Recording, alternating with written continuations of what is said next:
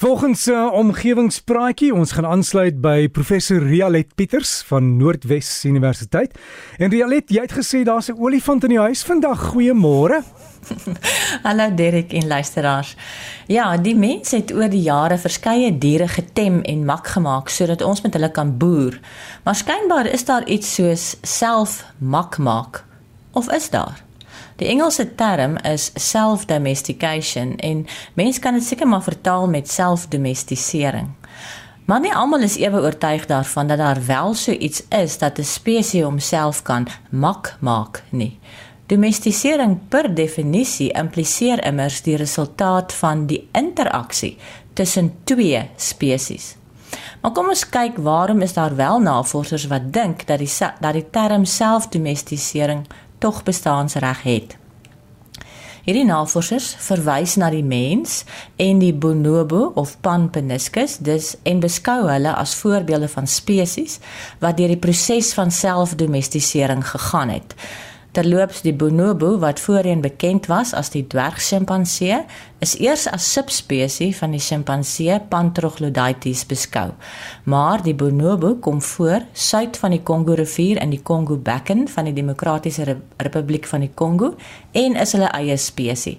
Sjimpansees kom noord van die Kongo rivier voor. Een van die navorsers wat dink die term selfdomestisering het bestaansreg, is Limor Raviv van die Max Planck Instituut vir Psigolinguïstiek in Nederland. En haar en haar span se publikasie het in Februarie van hierdie jaar in die wetenskapjoernaal Proceedings of the National Academy of Sciences verskyn. Hulle het gewonder of daar nie ook ander spesies is wat die proses van selfdomestisering ondergaan het nie en sy het by die Afrika savanna olifant begin, Loxodonta africana. Sy en haar kollegas het olifante met die mens en bonobos vergelyk en na 20 kenmerke opgelet. Kenmerke van selfdomestisering wat deur die Afrika olifant, die bonobos en die mens gedeel word, is dat al drie groepe sosiale diere is wat aktiwiteite doen tot voordeel van die groep wat graag speel, wat verlengde kindertye het, sosiaal gereguleerde kortisol vlakke het, wat komplekse vokale gedrag openbaar en wat na ander lede van die groep se kinders omsien. Verder deel die savanna olifant van Afrika ook kenmerke met diere wat wel deur die mens gedomestiseer is, soos 'n verkorte kakebeen en die vermoë om hulle aggressie teenoor ander in toom te kan hou. Kom ons kyk bietjie na vier van die vernaamste kenmerke wat beskou word as bewyse van selfdomestisering. Die eerste een is verminderde aggressie en sosiale gedrag tot voordeel van die groep. Olifante is nie bekend vir hulle aggressie teenoor hulle eie soort of ander spesies nie. Selfs wanneer die bulle bronstig is en hulle dan by tye aggressiewe gedrag toon, is beserings en mortaliteit relatief rar. Bronstige bulle gaan selfs so ver as om ander lede van sy soort deur middel van klanke en chemiese seine oor hulle toestand in te lig en so te waarsku dat die ander man moet ligloop. In die uitsonderlike gevalle waar renosters deur bronstige olifantbulle gedood is, is die gedrag toegeskryf aan vorige trauma wat die olifant sou ervaar het. Voorbeelde van hierdie trauma sluit in stroping, habitatverkleining, te vroeg gespeen of hulle het die dood van familielede beleef. Dis ook toegeskryf aan die afwesigheid van ouer bulle en dat die jonger bulle nie die nodige mentorskap ontvang het nie. Gewoonlik werk die lede in 'n trop saam om konflikte ontlaai en soos ek reeds genoem het, help hulle om mekaar se kinders groot te kry. Hulle bied beskerming en troos aan troplede lede wat in nood verkeer en staan siek en sterwende lede van die trop by. Die tweede van hierdie vier belangrike kenmerke is dat die vlakke van die kortisol in die olifant reageer op die sosiale omgewing van die olifant. Nou kortisol is die hormoon wat deur die byniere vrygestel word en onder andere 'n rol speel in die veg of vlug respons. Olifante het verhoogde kortisol vlakke in sekere omstandighede van gevangenskap, byvoorbeeld as hulle nie vrye toegang het tot binnenshuise en buitenshuise areas nie en nie gereeld met die dieretuinpersoneel interaksie het nie.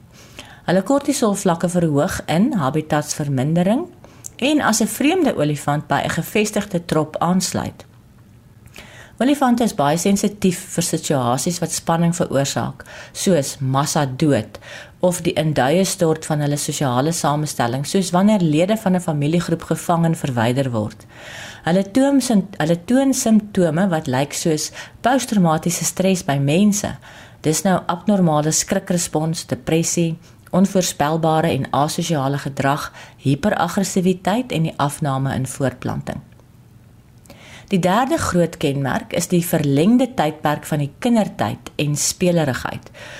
Hoe langer die ouers vir die kleintjies verantwoordelik is, hoe meer tyd is daar om hulle te leer en dit lei tot die ontstaan van iets soos kultuur.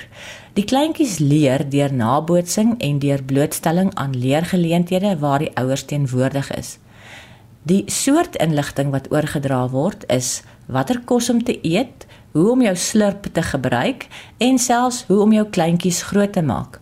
Jong olifantkoeie wat vir die eerste keer geboorte skenk en nie deur 'n ouer ervare koei bygestaan word tydens die grootmaak van haar kalfie nie, is nie sulke wafferse maas nie en kan selfs haar kalfie afskeep omdat sy nie van beter weet nie. Die langer periode van kalfie wees gee ook geleentheid vir speel. Kalfies speel met maatjies van dieselfde geslag uit ander gesinne. Hulle gryp mekaar se sterte, jaag en stoei met mekaar. Op hierdie manier leer hulle die krag ken van toekomstige teenstanders, help met die sosialisering en om verbintenisse met toekomstige eweknieë te maak. Hulle ondersoek die omgewing en beweeg voorwerpe met verskillende liggaamsdele rond. Hulle hardloop, wieg en tol in die ronde. Baie van hierdie gedrag sien mens nog in die volwasse diere wanneer hulle swem vir die plesier daarvan, waterspat en met modder speel. En die vierde kenmerk van selfdomestisering is die ontstaan van 'n komplekse kommunikasiestelsel. Olifante kan oor lang en kort afstande kommunikeer en hulle maak van verskeie sintuie gebruik om te kommunikeer. Behalwe vir die klanke is daar sig, tas en chemiese seine. Hulle trompeter, brul en maak lae-frekwensie bromgeluide wat spesifieke funksie en betekenis het vir ander lede van die trop.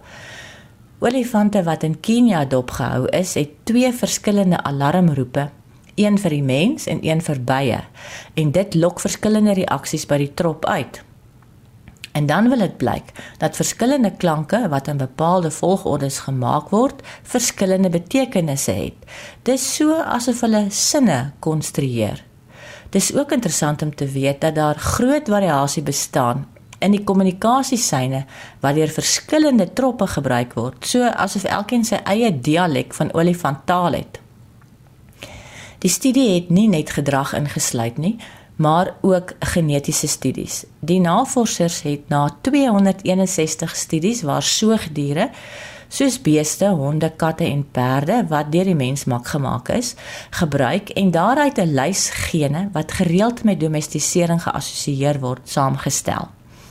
En toe het hulle na die olifante se gene gaan kyk en 674 gene geïdentifiseer wat uit vorige olifantgenerasies oorgedra is en 79 daarvan het ooreengestem met die gene van diere wat deur die mens getem is. Maar onthou, die savanna olifant van Afrika is nooit deur die mens getem nie. Die outeur vermoed dat die Asiëse olifant Elephas maximus ook tekens van selfdomestisering, domestisering mag onder vertoon. Maar toe hulle met hulle navorsing begin het, was daar nog nie sulke volledige genoomdata vir die Asiëse olifant as vir Loxodonta africana nie. Hierdie outeurs is nou besig om ook ondersoek in te stel na tekens van selfdomestisering by robbe, dolfyne, walvisse en vleermuise. Ek het op omgewingspraatjies se Facebookblad foto's van die Afrika savanna olifant geplaas. Ek is egter oortuig daarvan dat die luisteraars van omgewingspraatjies self ook baie aanskoulike foto's van olifante het. Rialet baie dankie en ek weet daar was 'n dokumentêr gemaak oor die olifante in Pilansberg wat die renosters doodgemaak het en 'n matriarg het hulle kom uitsorteer binne 'n paar dae. Aitsa, aitsa. Aitsa. So soek maar net daar op jou YouTube kanaal, jy sal hom kry. Dit dan ons omgewingspraatjie en gaan loer dan op die omgewingspraatjie Facebook bladsy. Kry die inligting daar en kom ons kyk na die olifante.